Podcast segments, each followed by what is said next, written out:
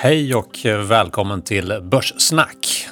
Det är torsdagen 11 februari i detta nådens år 4718 eller som vi är mer vana vid eh, 2021 och eh, 7418 det följer ju då den kinesiska tideräkningen. Och nu går vi in i eh, oxens år här i morgon när du ser och lyssnar på den här podden. Och eh, jag heter Jonas Olavi. Jag är eh, allokeringschef på eh, Alpcot och eh, är också ansvarig för den globala momentumfonden Alpcot Equities. Jag är också styrelseledamot i Traction och i Kungsleden. Börssnack eh, sponsras av eh, IG, ett noterat bolag i London, börsvärde på ungefär 30 miljarder kronor.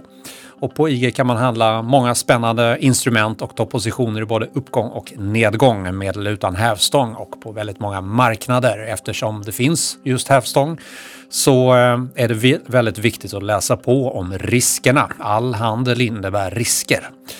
Och eh, den här eh, gången så mm, är Erik fortfarande föräldraledig. Allting går bra. Han är tillbaka nästa vecka. Så denna gången har jag tagit hjälp av eh, Odin Fonders småbolagsförvaltare tillika fjolårets prisbelönta årets nykomling, Jonathan Sjöbäck. Varmt välkommen till vår podd. Stort tack för det. Kul att vara här. Är du redo för fem snabba frågor? Det hoppas jag. Står börsen högre eller lägre vid årets slut? Jag är optimist, så jag får säga högre. När går småbolag bäst? Under börsuppgångar eller börsnedgångar? Jag skulle säga börsuppgångar. Mm.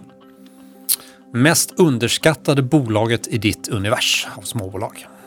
Jag gillar ju Bredband2 och det är inte så jättevälägt där ute. Ja. Faktiskt. Hur mycket av dina egna placeringar har du i uh, dina mandat, din fond? I stort sett allt. Mm.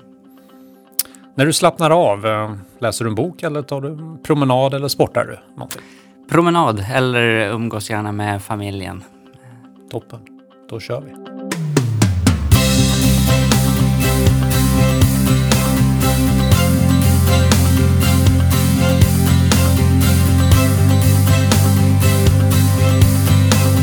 Börssnack med Hansen och Olavi. Innan vi hoppar in i samtalet med eh, Jonathan Schönbäck från Odin så tänkte jag beskriva några intressanta nyheter eh, från Alpcot och även förändringar i fonden som jag förvaltar, Alpcot Equities. Och jag kommer gå igenom några diskrepanser och börsen lite generellt och lite varningstecken faktiskt på makrofronten. Och också min senaste positionering. Så om vi tittar på eh, Alpcot så har vi eh, Sveriges största rabatterade fondtorg. Och nu har vi också lanserat ett samarbete med Futurpension och det innebär att man inom ramen för, eh, för fondförsäkringar kan eh, komma åt fonder på ett betydligt billigare sätt. Det kommer komma ut mer information successivt på hemsidan och det här är ett avtal som vi har slutit precis i veckan så det är jättestort för oss och för sparare. Så har man en pensionsförsäkring så kan man eh, flytta den till eh, Alpcot om man så vill och då handla fonder om man då väljer det alternativet till eh, rabatter. Mm, bra för spararna, helt klart. I fonden så har jag varit väldigt aktiv och jag har plockat in en hel del nya aktier i fonden. Jag kommer successivt skicka ut lite information kring de här bolagen på Twitter kan nämna lite kort här att jag har investerat i ehm, eh, AMD, Advanced Micro Devices, som är en av de ledande chiptillverkarna i världen. Caterpillar, för jag vill också få exponering mot eh, konjunkturen och de som ska transportera material ut ur gruvorna. Jag har ju investerat i Apple, Mm. Enad Global 7, en av förvärvsgenierna eh, eh, där ute. Vi har ju några starka bolag på den svenska börsen där de köper olika spelstudios och eh, ger ut dem ehm, på ett väldigt förtjänstfullt sätt och växer väldigt kraftigt. Jag har investerat i Lemonade och det låter som en dryck men det är ett försäkringsbolag som helt omkullkastat den amerikanska försäkringsmarknaden och det är det mest gillade bolaget eh, inom försäkringsbranschen. Och eh, vad de gör är att de har en app som man går in och eh, eh, tecknar en försäkring på. Just nu så är det hemförsäkringar och djurförsäkringar och då har Lemonade en AI-beräkningsmetod bakom som gör att man direkt får Eh, pris på eh, försäkringen och eh, då tecknar man den direkt i mobilen. Och sen så har de en väldigt enkel process om man måste claima om man behöver uh, nyttja försäkringen. Det är någonting som man inte stoltserar med i USA. Så att det här har blivit väldigt populärt och nu tittar man på fordonsförsäkringar, bilförsäkringar och eh, livförsäkringar. Så det är spännande, ett bolag som ännu inte tjänar pengar. Men det är en sån så kallad disruptiv uh, investering som jag har gjort. Jag har investerat i Intervac som ju är inne i en ansökningsprocess där uh, man ska försöka få sitt uh, vaccin mot kvarka som drabbar hästar eh, framförallt godkänt och det är en europeisk ansökan som ligger inne. Man håller också på att förbereda en, en amerikansk ansökan. Så det här är ju en stor marknad och det är även eh, möjligt för eh, till exempel grisar och nötkreatur som kommer på tur efter hästar. Då.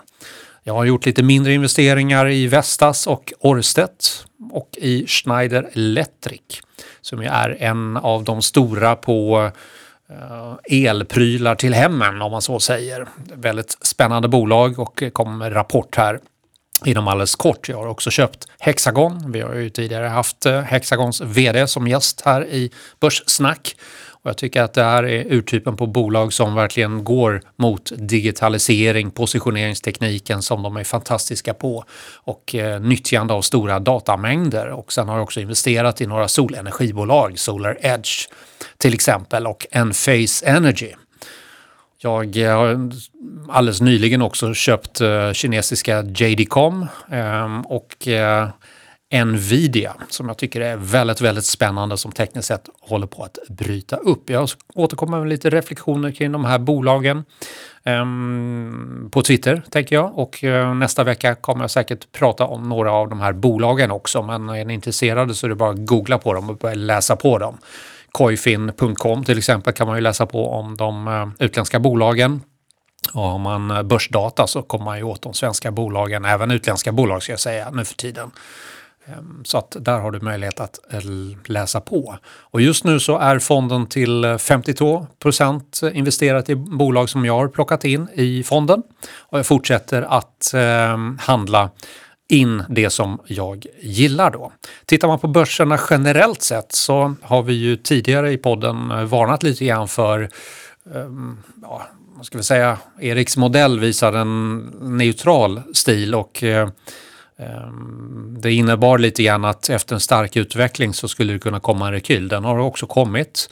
Eh, den kom efter den senaste eh, podden. Och ehm, sen har marknaderna rekylerat upp ordentligt men vi har fått negativa divergenser. Om man tittar på RSI till exempel så har inte de riktigt hängt med i uppgången och det brukar vara ett litet varningstecken för att ehm, det kan komma en rekyl till här inom kort. Och eh, likadant på amerikanska börsen har vi också negativa divergenser. Det är ju inte en, så att det måste gå ner bara för att vi ser dem. Och tittar man på den amerikanska börsen så har vi inga klassiska toppformationstendenser heller. Så att trenderna ser fortsatt bra ut. Tittar man på säsongen så är den fortsatt stödjande även om februari har visat sig de senaste åren vara en månad med hög volatilitet. Och nu ska vi inte överdriva och bara jämföra med fjolårets där amerikanska börserna och allt annat ehm, föll ordentligt. Globala index var ner 8 under, under februari förra året och eh, fortsatte ner ännu hårdare under mars där. Men som sagt, lite oro ehm, skulle man kunna lägga in, gäller att tajta upp stopparna generellt sett. Oron som vi såg eh, för en dryg eh, vecka sedan hade ju mycket med eh, de hårt blankade aktierna som utsattes för köpräder och det var ju diskussionsgruppen Wall Street Bets på Reddit. De har ju, hade ju i alla fall för någon vecka sedan 2,1 miljoner medlemmar. De gaddar ihop sig enligt följande. De letar upp aktier som är hårt blankade. Till exempel hade GameShop 151% utestående eh, av free floaten blankat. Och förmodligen så har man gjort det med hjälp av optioner. Då. Och genom att köpa aktien tillsammans så, och använda sig av optioner så uppstår en gamma squeeze därför att optionsutgivaren måste då täcka sina positioner, köpa aktier. Och eh, det gör ju också att de här som har blankat aktien eh, ser en aktie som snabbt stiger och då måste de stänga sina positioner. Nu är det så att hedgefonder oftast använder sig av spreadbets, speciellt de som är marknadsneutrala. Man går en lång aktie mot en kort aktie, en blankad aktie. Eller så är det långa benet terminer i marknaden. Och då jobbar man bara med att blanka enskilda innehav. Om man då måste stänga sina korta positioner måste man dra ner sin långa position också, vilket var den effekt vi såg här när marknaden med, rent allmänt föll tillbaka. Det var helt enkelt terminspress i, i marknaden då. Så en perfekt storm och eh, det går ju naturligtvis att ehm, följa de här ehm, chattforumen. Det är många som gör det och vi har sett många nyheter och intervjuer i svensk press om, om det här då. Och då kan man ju fråga sig, ja, var det så att det här var ett fenomen för aktiemarknaden eller var det generell oro? Då skulle jag säga att det var faktiskt bara på aktiemarknaden. Det var VIXen som stack iväg medan motsvarigheterna då i eh, de här riskmåtten på andra tillgångsslag, till exempel valutor, till exempel räntor, till exempel råvaror, gick inte alls upp. Eh, tvärtom så var de fortfarande parkerade på eh, låga nivåer, vilket implicerar att eh, det ser fortsatt lugnt ut, om man så säger. Så att det här var isolerat i aktiemarknaden och då skulle jag säga att risken kanske för en stor sättning inte är sådär överhängande, men det sa vi ju i fjol också. Så um, det man kanske ska ha lite koll på det är att de starka PMI-siffrorna, comebacken som vi har haft, har börjat ebba ut och i takt med att uh, vaccineringen pågår världen över men gör det i ganska långsam takt så kan man ju föreställa sig att vi kommer få en liten risk-off eh, möjlighet här när vi ser att konjunkturen inte riktigt tar fart. Och man får väl nästan säga att ja, men efter sommaren kanske mm, ganska många av oss är vaccinerade. Vi får väl se. Och det ska ju marknaden agera på. Just nu så mm, har faktiskt inköpscheferna mm, toppat ur. Och det är någonting som man ska hålla lite koll på. Får vi en till negativ avläsning härnäst så ska man nog dra öronen åt sig och kanske tajta upp sina stoppar och fundera på sin eh, Eh, positionering. En annan faktor som man också ska hålla koll på det är ju centralbankerna och deras balansräkningar. Och när jag tittar på charten så kan jag se att eh, de också har toppat ur. Eh, USA ligger och planar ut medan andra marknader till exempel ECB faktiskt, men även Sverige har eh, ehm, taktat av och vi ser en liten dent neråt här. Och det är också sådant som skulle kunna eh, skapa en liten oroskänsla framöver. Jag har precis uppdaterat min allokering och jag är eh, trots det jag sagt fortsatt optimistisk om utsikterna. Jag tror på en, ett starkt år. Jag är lite bekymrad om var platåtillväxten hamnar. Kommer den vara högre än den anemiska tillväxten vi hade tidigare? Det är jag inte helt säker på och det kommer jag inte kunna veta. Men just nu så säger prognosen att platåtillväxten kommer att vara högre än den var de senaste 3-4 åren. Så i den kontexten så tycker jag att man ska vara exponerad, eh, ha lite övervikt mot aktier kontra framförallt kassa. Jag är neutral till alternativa tillgångar och obligationer och inom alternativa så är det till exempel råvaror som har haft en god uppgång men där det förmodligen kommer fortsätta se ganska ljust ut. Ehm, och tittar man på länder så har jag faktiskt en övervikt på USA.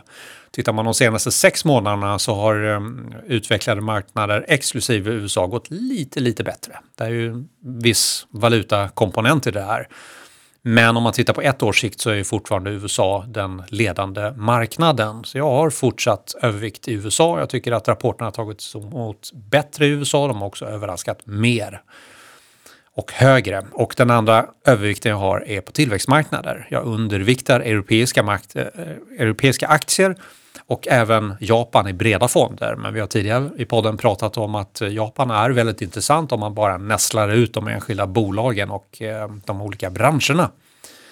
Och inom tillväxtmarknaden så tycker jag att Asien är mest intressant och det kan man finansiera med Latinamerika till exempel. Så man inte riktigt ser samma stuns. Och inom stilar så har jag en övervikt i tillväxt och momentum. Det är kanske inte så konstigt att jag har den förkärleken men det är också de eh, som har gått bäst och jag undviktar value och low volatility i den här miljön. Small cap generellt är bättre än large cap och det kommer vi höra Jonathan eh, prata lite mer om här alldeles strax. Och Eh, ja, inom eh, alternativa då, övervikt på råvaror, det kan man finansiera till exempel med hedgefonder. Men eh, jag tycker vi tar ett samtal med Jonathan nu.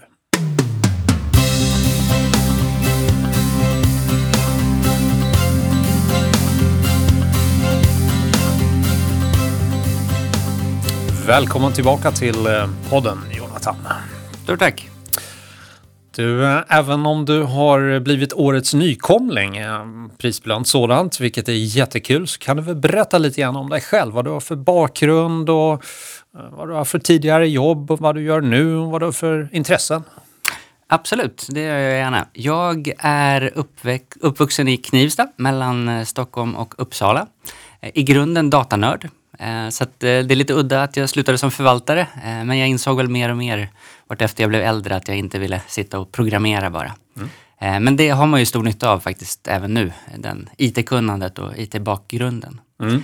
Men sen så studerade jag i Uppsala på Uppsala universitet. Jag läste teknisk fysik men hoppade över sen till ekonomi för jag insåg mer och mer att det var det jag verkligen gillade. Jag var med i IT-yran privat, eh, förlorade en del pengar för jag spekulerade i aktier, jag investerade inte i bolag. Så det var en väldigt stor lärdom. På den tiden när man var student så hade man ju som tur var inte så mycket pengar att mm. spekulera bort. Så det var en lärorik och bra tid på det sättet. Mm. Eh, och sen så började jag i Handelsbanken faktiskt på backoffice och sen så midoffice och sen så började jag i selektivförvaltningen våren 2008. Och vad är selektivförvaltning? Selektivförvaltningen i Handelsbanken det är eh, fokuserad kvalitetsförvaltning så att eh, väldigt fokuserade portföljer, långsiktiga investeringar i högkvalitativa bolag som har bevisat sig historiskt. Mm.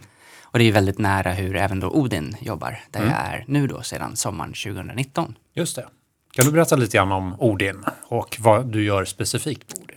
Yes, jag började ju Odin för att jag fick den fantastiska möjligheten att starta Odin Small Cap. Och det var ju den som var mitt huvudfokus och jag kom igång med den våren eh, 2000 20. Eh, så att vi startade 28 januari. Eh, startade vi. Så det var ju en rätt speciell tid. Mm, mycket stod på topp mm. vid den tidpunkten faktiskt. Mm. Vilket faktiskt var en liten fördel i min kontext. Vilket låter lite märkligt kanske. Men i och med att vi investerar väldigt långsiktigt, vi vill ha de här fantastiska, fina, välskötta bolagen. Så är de ofta väldigt svåra att köpa ifall det är en dålig börs för att mycket aktier är nedtryckta eller liknande. Så vi fick en möjlighet att komma in i många väldigt fina bolag på förvisso då hyfsat höga nivåer. Eh, för börsen kom ju ner sen kraftigt. Mm. Men sen därefter så har ju många av dem utvecklats väldigt väl. För att det var ett år när många av de här bolagen verkligen fick bevisa sig. Just det. Och småbolag säger du, har du fingrarna med andra strategier? Ja, jag förvaltar även Odin Sverige som mm. ju tidigare då var min största konkurrent i princip. Eh, så väldigt snarlikt en Sverige Selektiv som jag förvaltade i Handelsbanken. Mm. Eh, så tillsammans med Hans Christian Bratterud som är, eh, även då är förvaltare på Sverige och Small Cap och sen så även då Carolina Elvind som är vår analytiker. Mm. Så förvaltar vi de två fonderna, vilket mm. är otroligt kul. Och lite kort om Odin, sådär en um, hisspitch. Vad är Odin för ett bolag? Odin är ett eh, framförallt norskt eh, fondbolag med fokus på hela Norden men stor bas i Sverige också. Eh, det är huvudkontor i Oslo. Eh, sen har vi kontor i Stockholm Helsingfors och även Göteborg och Malmö. Mm. Och vi förvaltar över 80 miljarder så det är en rätt stor fokuserad fondförvaltare. Mm. Spännande. Jag har ju träffat Odin många gånger, varit ute på uh, säljturnéer där ni har varit en representant. Jag har representerat uh, då på den tiden Alfred Berg. Mm. Um, och ni pratar ofta om Odin-modellen. Vad är det för någonting egentligen? Ja, men OD-modellen är ju vår liksom, investeringsfilosofi och det är otroligt skönt att ha den i ryggen när man har, går igenom sådana här turbulenta år som vi gjorde förra året till exempel. Eh, vi tittar på de tre P som vi brukar säga. Vi tittar på historisk prestation, alltså att bolagen ska ha bevisat sig lönsamhetsmässigt och även liksom marginalmässigt och liknande. Vi tittar på nuvarande position och det är kanske där vi lägger mest tid, för det är ju liksom det som lägger grunden för framtiden också. Och sen tittar vi även på pris. Eh, mm. Så att vi är inte prisokänsliga, men hittar vi riktigt fina välskötta bolag så är vi också beredda att betala för dem. Mm position, har det med bolagskultur att göra eller är det mer var de är i värdekedjan, tänker jag? Det är väldigt mycket, eh, men väldigt mycket kommer ju just från bolagskultur som du är inne på och det är ju någonting som jag verkligen fokuserar på. Men du kan ha en fantastisk bolagskultur, fantastisk bolagsledning, men i en extremt tuff bransch. Och då är det inte riktigt lika intressant för oss heller. Så det är en väldigt mångfacetterad del, men det är ju liksom, man brukar prata, om moats eh, bland annat, just vad man har för, för skydd för sin affärsmodell som gör att du därigenom kan fortsätta att bibehålla bra marginaler och mm. förhoppningsvis till och med öka dem framöver. Mm. Mm. Spännande. Om man tänker då på bolagskultur så kan det ju låta flummigt för det är svårt att sätta siffror på det. Och då tänker jag, hur gör ni? Hur mäter ni det här? När sätter ni stämpel eh, ja, över snittet eller nej, det här är lite under snittet? Vissa delar går ju att kvantifiera. Eh, men precis som du är inne på så är bolagskultur bland det flummigaste som finns där ute. Det är också faktiskt någonting som man kan se som en stor fördel för oss aktiva förvaltare. För jag med min datorbakgrund inser ju någonstans att liksom, mycket går ju att automatisera, datorerna är otroligt duktiga. Och då får man ju vara så långt ifrån det som går att automatisera som mm. möjligt. Mm. Och det som är svårast att kvantifiera är ju också svårast att automatisera. Och det gör ju att just den här bolagskulturen som många underskattar på lång sikt, den är en väldig styrka att fokusera på. Och den hittar du oftast då, liksom, om du tittar på historiken, då har du kanske bevisat det historiskt, fick, eh, genom fin leverans på siffror. Men sen så är det ju just genom samtal med bolagsledningen och med andra ute i marknaden. Mm. Och sen så är det också faktiskt väldigt intressanta tillfällen när det tyvärr händer saker som bolagen inte gärna vill hamna i, men hur de då agerar. Mm. Alltså hur väljer de att adressera problem? Eh, tar de tag i det? Erkänner de det? Eller liksom försöker de att sopa det under mattan? Det säger mm. också väldigt mycket om bolagskultur. Mm. Jag tänker på ett exempel som man ofta tar när man ska prata bolagskultur och det är Ferrari som har den coola benämningen en race på börsen. eh, och där, om man går runt och frågar och pratar med folk eh, i produktionen, mm. till exempel står man vid eh, gänget som håller på med motorer så säger de ja, om de är okej okay, men ni ska kolla de som gör eh, klädseln till mm. Bilarna, de är helt fantastiska. Och går man dit där så säger de någonting jättepositivt om de som gör karosser eller någonting annat där. Har du upplevt något liknande eh, i svensk kultur, svenska bolag? Är det något som har utmärkt sig lite extra där folk är superstolta över att jobba på just det bolaget? Men ett sånt som sticker ut i den kontexten är ju Lime som har ett väldigt stort fokus på en stark bolagskultur. Mm. Och du ska liksom verkligen trivas och vara där. Du ska hellre vara där än, än hemma ja, nästan. Ja. och verkligen liksom leva. Och det, det kommer ju tillbaka till det här passion. Alltså har du passion för det du gör, då får du ofta så starka team som kan hantera händelser på ett fantastiskt sätt. Mm. För det handlar ju om att hitta de här bolagen som faktiskt vågar se möjligheter när det är tuffa tider. Det. För det finns faktiskt alltid möjligheter i alla situationer. Mm. Sen kan det ibland vara väldigt svårt att se dem. Ja, nej, men, men har du då ett starkt team som känner sig trygga och du har en stark filosofi som du kan luta dig mot, till exempel då, som vi har i Odin, ja då kan du ju liksom därigenom känna en tillit till det du gör och därigenom faktiskt få en väldigt god utväxling på tid. Mm. Om jag tar den här nyansskillnaden då. Du var i selektivteamet innan. Jag vet att du har en bra historik. Du kommer in i Odin-teamet. Vad, har, vad får du med dig? Vad känner folk igen? Eller vad blir helt nytt för dem? När du kommer in i en ny typ av kultur då, förvaltarkultur. Märks det? Kommer jag som kund att märka skillnad eller? Jag tror faktiskt inte det märks så jättestor skillnad. Eh, för vi, jag förvaltade ju väldigt snarlikt i Selektiv. Okay. Eh, och Selektiv var ju liksom en del i Handelsbankens förvaltning. Mm. Och där hade du ju lite olika typer av förvaltning. I Odin har du i princip samma förvaltning i alla delar och det är ju en, en viss skillnad, absolut. Mm. Eh, men jag tror inte du märker så stor skillnad på mig därigenom så att säga. Nej. Och det var ju också en, en liksom viktig del för mig. Att I och med att jag är bekväm med att förvalta på, ett, på det här sättet eh, så vill jag ju gärna göra det för att jag tror att det ger bäst utväxling på sikt också. Just det. Ni jobbar ju en hel del med ESG vet jag, det måste man göra som fondbolag i, i dagsläget här. Men är det någonting eh, särskilt som ni gör som du upplever att andra inte gör? Är det någonting sådär, ja, det där är vi lite extra bra på? Eh, nej men det finns ju väldigt många aspekter i det där. Och där är tillbaka till det här att vi bottnar egentligen återigen det här i bolagskultur. Och då i ESG-frågan så landar man ju i G, governance. Mm. Och vi har ett väldigt stort fokus på att investera tillsammans med andra bra långsiktigt fokuserade huvudägare. Mm, så vi gillar ju verkligen när det finns en, en tydlig ägarbas som just har det här långsiktiga fokuset. Mm. För då kommer du bort från kvartalsfokuset som vi helst inte vill se. Utan vi vill se de här långsiktiga förbättringsåtgärderna kontinuerligt. Så att du stärker din affärsmodell hela tiden. Mm.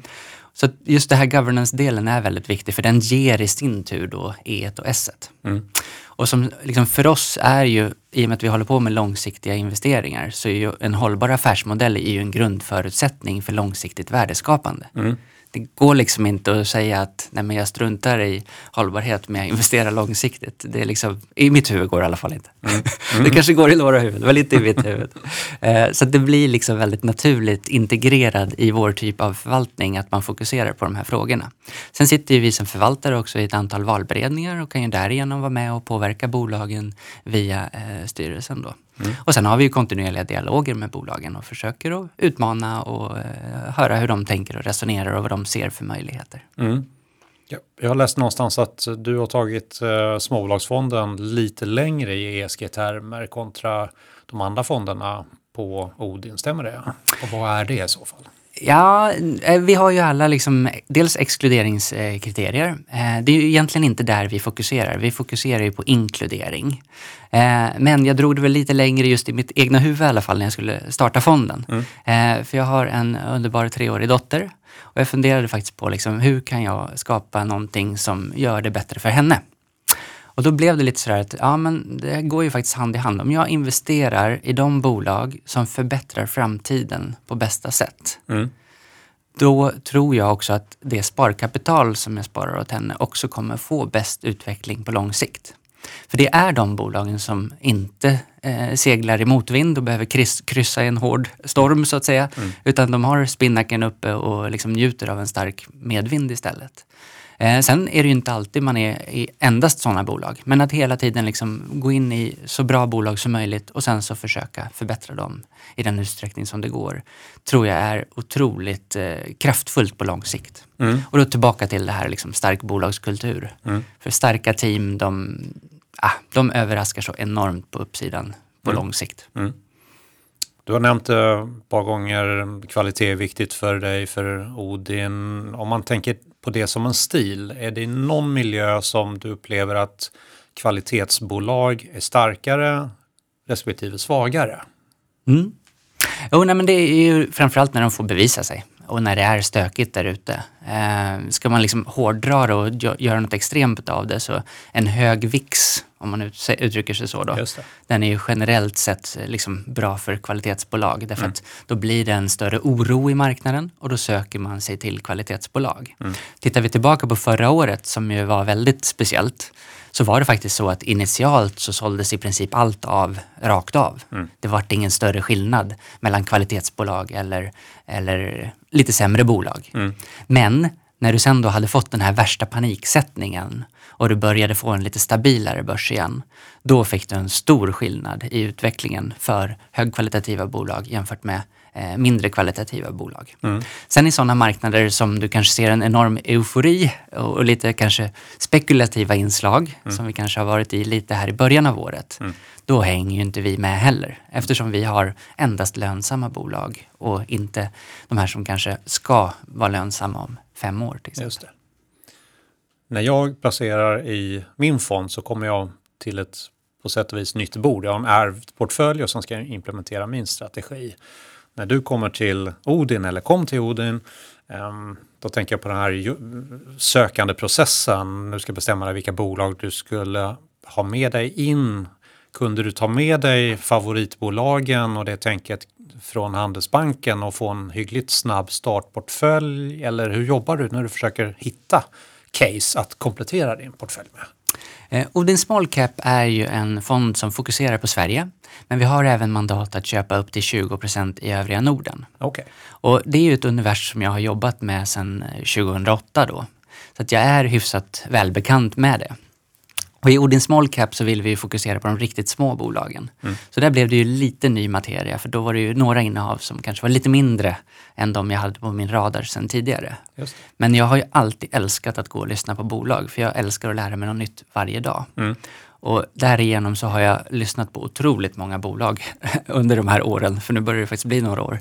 Eh, och det ger ju såklart en väldigt bra bas. Och jag gillar det, för jag gillar faktiskt att man har förmånen att vara fokuserad. För det finns ju så otroligt mycket där ute att välja på. Men tid är ju någonting vi tyvärr har eh, inte hur mycket som helst av. Och därför är fokus otroligt viktigt. Så att liksom just den här att jag hade med mig då en stor ryggsäck av historisk kunskap, den gjorde ju ändå att det blev enklare att hitta de här eh, bolagen som är intressanta. Sen var det några nya bekantskaper som kom in i den här processen. Men då kunde jag ju luta mig utifrån vad jag går igång på, så att säga. Vad jag vet har fungerat historiskt. Och därigenom kunde ju den processen bli lite snabbare. Mm. Om man tittar på nyckeltal då så förstår jag att lönsamhet är otroligt viktigt, kanske till och med det viktigaste så att säga, nyckeltalet då. Vad det här är specifikt och vad kommer på andra och tredje plats när du vill liksom, köra det här för din grupp och ja, men det här bolaget vill jag pl- plocka in i portföljen. Vilka nyckeltal använder du? Eh, ja, om jag är lite ofin och jobbig så är ju nyckeltalen bland det sista jag kommer till Okej. faktiskt. Om jag ska vara sån. Ja. Nej, men det handlar ju just om det här att jag liksom fokuserar väldigt mycket på bolagskulturen. Och bolagskulturen ger ju sen sannolikt då eh, bra vinster på längre sikt. Sen kan ju då vissa nyckeltal se lite höga ut på kort sikt och liknande. Och därigenom får man ju vara lite ödmjuk för värderingsmultiplar exempelvis och speciellt i småbolag där det snabbt kan ske förändringar.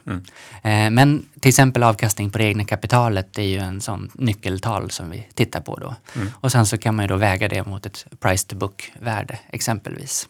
Och där i den kontexten så ja, är väl fonden hyfsat hög eh, avkastning på det egna kapitalet, runt 17 procent ungefär. Eh, Och ett price to book strax över 4, vilket ju kanske också kan verka rätt så högt, men då är det rätt så mycket IT-relaterade och kapitallätta bolag i fonden också. Mm. Tittar du på PEG-tal, P-tal genom tillväxttakten för aktien? Äh, återigen, jag fokuserar väldigt mycket på bolagskultur. Eh, sen så försöker jag också ta del av en hel del olika multiplar på olika sätt. Eh, men just den här liksom, underskattandet av bolagskultur på lång sikt, den är ett stort fokus och det är väldigt viktigt att, att fokusera. Sen, eh, om man vänder på det, eh, så brukar vi lite skämtsamt säga att, eh, att jag börjar läsa årsredovisningen i vd-ordet och sen så tar jag mig sakta bakåt mot fotnötterna. Medan min fantastiska kollega då, Hans Christian Bratterud, han börjar i fotnötterna och sen så tar han sig sakta mot, mot eh, vd-ordet. Och så möts vi någonstans i mitten. Och sen så kommer Carolina med fantastiska inspel. Så att liksom, vi kompletterar ju varandra väldigt bra på det sättet. Och det är ju det som är styrkan i bra team. Att du får ut mycket mera än individen. Hur funkar det då mm, när Bratterud är med? Eh, Vem fäller det avgörande beslutet? Eller blir det så att det måste vara konsensus? Jag är ju svensk, Carolina är ju svensk, eh, Hans Christian är ju norrman i grunden. Eh, så eh, det är väl vi som är mest konsensusdrivna. Ja. Men än så länge har vi inte haft några stora eh, avvikande åsikter. Så. Vi har jättebra diskussioner och det är ju otroligt viktigt att vi kan dryfta allting. Men vi landar oftast i ett slutgiltig gemensam tankegång ändå. Men skulle det komma till det någon gång så är det väl ändå jag som i slutändan har det sista ordet. Och det är ju ändå viktigt i vår vardag att försöka ibland liksom få lite damp så att säga. Så att man liksom inte bara hela tiden går och ältar en tanke utan att göra någonting. Nej, precis. Ni har ett advisory board också. Hur spelar de in i besluten? Får de tycka till eller? För det är väl lite hemlig information vad ni tittar på för bolag? Eller? De är ju ett väldigt bra bollplank i generella diskussioner om hur eh, företagande kan ske och liksom vad man bör titta på i olika typer av bolag, vad man ska fråga om när man går på fabriksgolvet, vilka, eh, vilka liksom nyckeltal man bör ha lite koll på och gärna fråga dem om för att se att de har bra koll och så vidare. Och sen ger ju de en väldigt god insikt, för det är ju sådana som har varit i ledande befattningar historiskt. eh, kring varför bolag inte gärna frågar, eller svarar på vissa frågeställningar och så vidare. Mm. Så de är ju ett bra stöd från andra sidan Mm, på ett sätt som man kanske inte riktigt når annars. Nej, ja, det är smart tänkt. Placeringsuniverset då, jag kommer inte ihåg om du nämnde det, småbolag, men vilken typ av småbolag? Är det väldigt, väldigt små eller väldigt, väldigt stora som du fokuserar på? Ja, och där exakt. tyngdpunkten i portföljen ligger nu så att man förstår vad är det jag köper när jag köper fonden. Mm. Eh, Odin Small Cap är ju tänkt att vara en all cap-fond inom small cap-universet. Men att vi verkligen vill fortsätta vara en småbolagsfond. Eh, För vi tittade lite på det utbud som finns där ute. Och det finns ju ett antal microcap-fonder eh, och de har oftast ett, ett eh, market cap-viktat fokus eh, under 10 miljarder. De får investera i bolag som är upp till ungefär 7 miljarder enligt Carnegies definition då för microcap-bolag. Småbolag är ju väldigt vitt univers egentligen. I Norden, eh, som ju är liksom det möjliga universet för oss, så finns det nästan 1500 bolag. Och av de 1500 försvinner faktiskt bara ungefär 100 stycken när du tar bort de som inte är small cap. Alltså ett market cap över 68 miljarder i nuläget. Med det sagt så är ju det den övre gränsen. Och det gjorde faktiskt att vi sålde ut Sinch som vi har haft då i portföljen sedan den startade. Det För har att det gått har väldigt starkt. gått helt otroligt under året. Drivet av en fantastisk bolagskultur som har valt att fånga de möjligheterna som uppstod under det här väldigt udda året. Men just för att vara en småbolagsfond och vara fokuserad på lite mindre innehav så valde vi då att lämna den och så tog vi istället in ett Sweden Care i det tillfället. Och sen nu har vi även adderat då Nimbus här i IPOn som skedde. Just det, som kom alldeles nyligen. Och small cap har därigenom ett portföljviktat market cap-värde på ungefär 12 miljarder.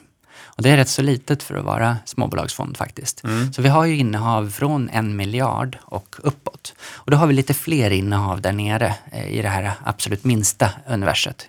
Lite också utifrån att vi är en öppet dagligt handlad fond. Vi har redan 3 miljarder i förvaltat kapital, vilket är helt otroligt efter ett år.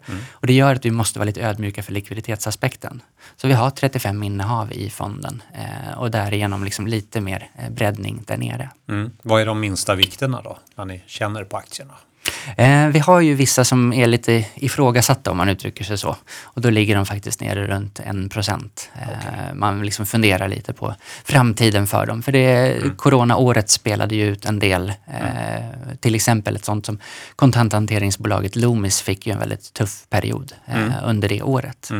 Eh, och då, är det liksom, då var jag väldigt ödmjuk där under våren. När jag samtidigt då viktade upp kapitallätta bolag, IT-relaterade. För jag tänkte att de kanske har lite mindre påverkan i den här äh, nedstängningsfasen. Mm. Jag exploaterar teman i min globalfond, för jag har ju ett mycket större univers. Då. Är det någonting som du applicerar? Att du kanske vill ha mer IT-bolag eller du vill ha ja, någon annan så att säga, nisch eller sektor? Då? Ja, om man tittar på fonden så är det ju väldigt mycket IT-bolag. Och det kommer sig ju mycket av att jag är eh, datanörd i grunden och har en förkärlek för det där. Även om jag är väldigt ödmjuk för att det är ju större risker i det området också eftersom det jag pratade om det här med moats tidigare. Att det är lite större risk att de förändras i en snabb takt. Eh, men det vi brukar utgå ifrån när vi tittar på just den här position det är att vi ändå någonstans har kategoriserat in fonden i liksom fyra stycken grupper i form av starka varumärken som hjälper dig då att bibehålla din position. Det kan till exempel vara ett Thule eller ett Mips eller liknande. Eller så har du de här bolagen som är i absurda nischer som ingen ny kanske gärna ger sig in i. Ta ett Troax till exempel. Helt fantastiskt bolag som effektiviserar och automatiserar tillverkningen av nätgaller. Som ju används i industrin för att skydda robotar och människor från varandra. Används ju även i lägenhetsförråd till exempel. Eller nu allt mera då även i automatiserade lager och liknande. Det låter inte high-tech, men Nej, det är fantastiskt. Det är det som är så bra. Nej, men det är just det här, en specifik udda nisch som inte är utsatt för så stor konkurrens. Och där konkurrensen i många fall handlar om eh, enskilda smeder eller mindre liksom, bolag på det sättet. Sen har vi de här fantastiska bolagen som effektiviserar verksamheter. Och de är i många fall digitaliserar IT-bolag så att säga. Men, eh, men liksom just de här bolagen som till exempel ett Sectra då, som effektiviserar sjukvården och gör att du kan granska röntgenbilder och digitalt på ett väldigt effektivt sätt. Det är ju en enorm utveckling på det eh, på lång sikt när du kan hjälpa dina kunder att bli allt effektivare. Och sen sista gruppen som vi brukar prata om det är de här fantastiska förvärvsbolagen. Mm. Och där går det faktiskt att lägga rätt många av de, de som ligger i de andra grupperna också egentligen. Mm. Men just att ha den här förvärvskudden som hela tiden jobbar underifrån, det ger en enorm utveckling på lång sikt. Mm. Har du någon av spelbolagsförvärvarna som och tänker du specifikt på den typen av bolag, Stillfront? Embracer är ju det största innehavet i vår Sverigefond okay. i Odin Sverige. Ja. Eh, och det är ju ett bolag som vi har varit med på under en period och haft en fantastisk utveckling i. Det är ju en helt otrolig bolagskultur där mm. som manifesteras utifrån Lars Wingefors som gör ett helt fantastiskt jobb. Och där har du just det här liksom incitamentet med en stark huvudägare också, att vi gärna investerar i det. Mm. Han är ju väldigt väl investerad i bolaget och har i den kontexten en väldigt låg lön så att säga. Men mm. det är inte därför han jobbar utan han jobbar för att han har en stor passion ja, för att driva det här framåt. Och det märks ju så väl mm. hur han omfamnar andra bolag och hur de verkligen vill komma till hans mm. eh, eh företagsbyggande och mm. bli en del av den maskinen. Just. Återigen, ett starkt team som attraherar andra team och som stöttar dem med ett stort kvalitetsfokus. Mm. Om vi tar uh, dina senaste transaktioner, vilka är de tre senaste in eller uppviktade och vilka är de tre senaste ut eller nedviktade bolagen? Mm. Eh, de enda faktiskt som vi har tagit in då sedan fonden startade, eh, det är då Swedencare och sen så även då Nimbus. De är helt nya i fonden. Mm. Och sen så då har vi ju sålt ut Sinch helt i och med att den tyvärr blev för stor. Den finns istället i Sverige, eh, i Sverigefonden. För det är, det är inte så att vi ifrågasätter affärsmodellen eller det fantastiska mm. bolagskultur som finns där. Mm. Utan det handlar snarare om att vi har lovat våra fondandelsägare att Odin Small Cap ska vara en småbolagsfond helt enkelt. Eh, men ta ett Sweden Care till exempel, den stod faktiskt på kandidatlistan när fonden skulle starta också. Mm. Eh, då i det läget så eh, hade ju vd nyligen avgått och sen så hade vi också en situation där det var lite mer av ett enproduktsbolag med det här pulvret som man tillsätter till hund och kattmat för att de ska få bättre tandhygien. Mm. Men nu under året då så har de ju liksom breddat sig allt mer. Vdn kom tillbaka när han fick göra sitt drömförvärv då. Och sen så har de ju breddat affären allt mer. Så den har ju därigenom de-riskat en hel del. Mm. Sen med det sagt så tittar man på aktiegrafen så är det ju bara att konstatera att vi borde ha varit med från början. Men det är tillbaka till det här att liksom, får du till den här fina bolagskulturen så kan du ofta få en utveckling på lång sikt som många underskattar. Mm. Intressant. Om vi tittar på rapportperioden då, vilka av dina bolag har överraskat mest och vilka har inte riktigt nått hela vägen fram? Ja, det är ju en lite speciell rapportperiod. Eh, vi har ju haft en rapportperiod historiskt här nu under året som har varit faktiskt rätt rejäla överleveranser och som också har tagits emot på ett bra sätt i aktiemarknaden. Nu ser vi lite mera tendensen till att även de som levererar riktigt bra, de får lite tuffare mottaganden. Men exempelvis hade vi ju Mips i morse som levererade väldigt fina siffror och eh, aktien har eh, utvecklats väl under dagen på de siffrorna då. Mm. Och det är ju tillbaka till det här liksom en fantastisk bolagskultur och återigen en så extremt smart så otroligt enkel produkt. Man tänker att en sån där enkel produkt ska väl inte kunna funka. Mm. Men det är en sån enkel produkt som ger hela värdekedjan nytta. Alltså tillverkarna kan sälja sina produkter, hjälmarna, med lite mera eh, marginal mm. och sen så slutanvändaren får ju en väldigt stor vinning av det. Så det är mm. liksom en win-win hela vägen. Mm. Och just den typen av produkter är ju fantastiska.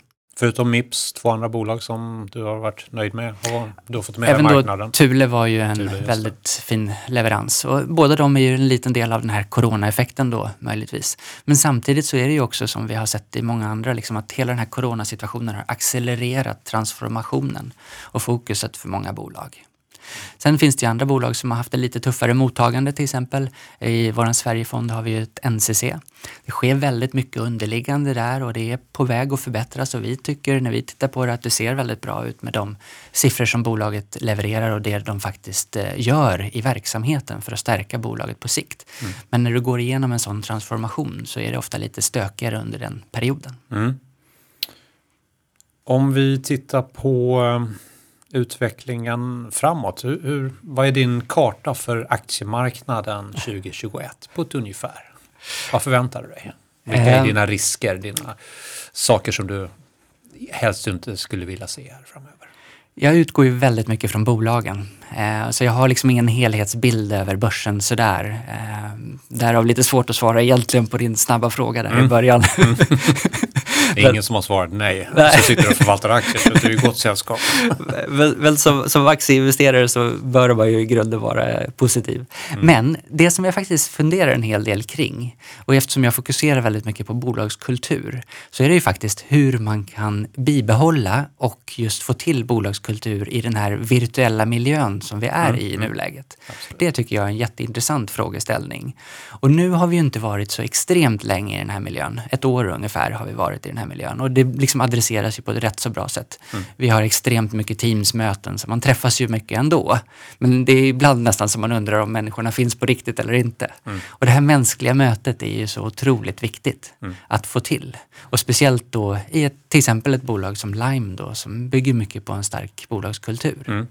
Och om det liksom skulle dra ut väldigt lång tid, den här coronasituationen, då är det klart att det kan bli väldigt vanskligt. Och sen har vi också en liten nytt test i och med att det har skett en hel del förvärv under förra året. Just integrationen av de förvärven i den här miljön där man faktiskt inte riktigt kan träffas på samma sätt. Mm. Hur ska den gå? Mm. Det är sådana liksom frågeställningar som är rätt intressanta. Sen mm. älskar jag att vara ute och träffa bolagen. Och det kan jag ju inte riktigt nu. Så det, det är ju lite frustrerande mm. måste jag säga. Ja, verkligen. Hur um, kan man följa dig och eh, Odin? Var hittar man information? Eh, dels finns det på hemsidan eh, och där har vi månadstexter där vi skriver om våra innehav och lite om våra tankar och sådär. Mm. Och sen så är det ju framförallt då kanske LinkedIn och lite andra sådana eh, medier där vi också finns och lägger ut information om olika händelser och nyheter och klipp och liknande. Mm. Förutom att vara med i den här podden, poddar ni själv eller gör ni eh, något sådant? Vi har lite olika webbinarier och initiativ på gång. Eh, men vi har ingen färdig Odin-podd som har gått eh, under flera år nu så som den här fantastiska podden har gjort. Mm. Jonathan, stort tack för att du kom till Börssnack och lycka till framöver. Stort tack för att jag fick vara med.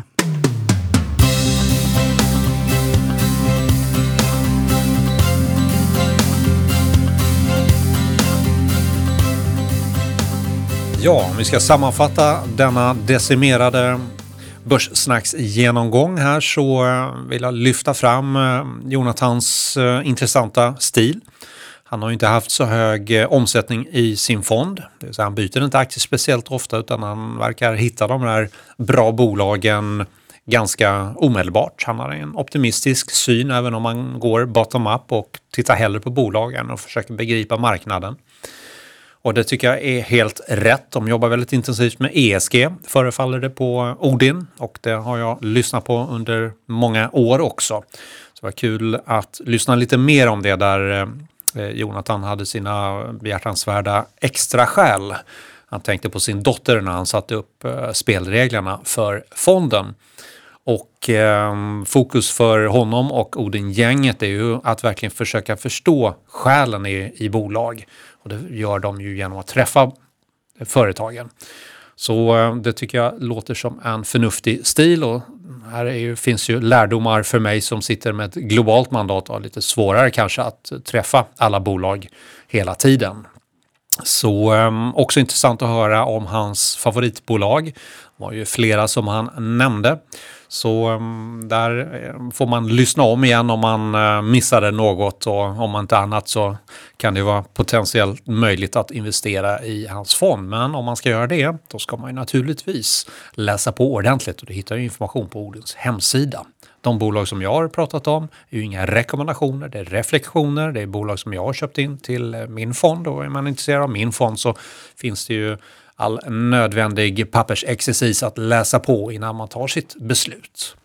Så med de orden eh, tackar jag för mig. Nästa vecka är som sagt Erik tillbaka. Kärt återseende. Det ska bli jättekul att få honom tillbaka och eh, också lyssna vad han har eh, att ta med sig förutom kanske någon familjereflektion.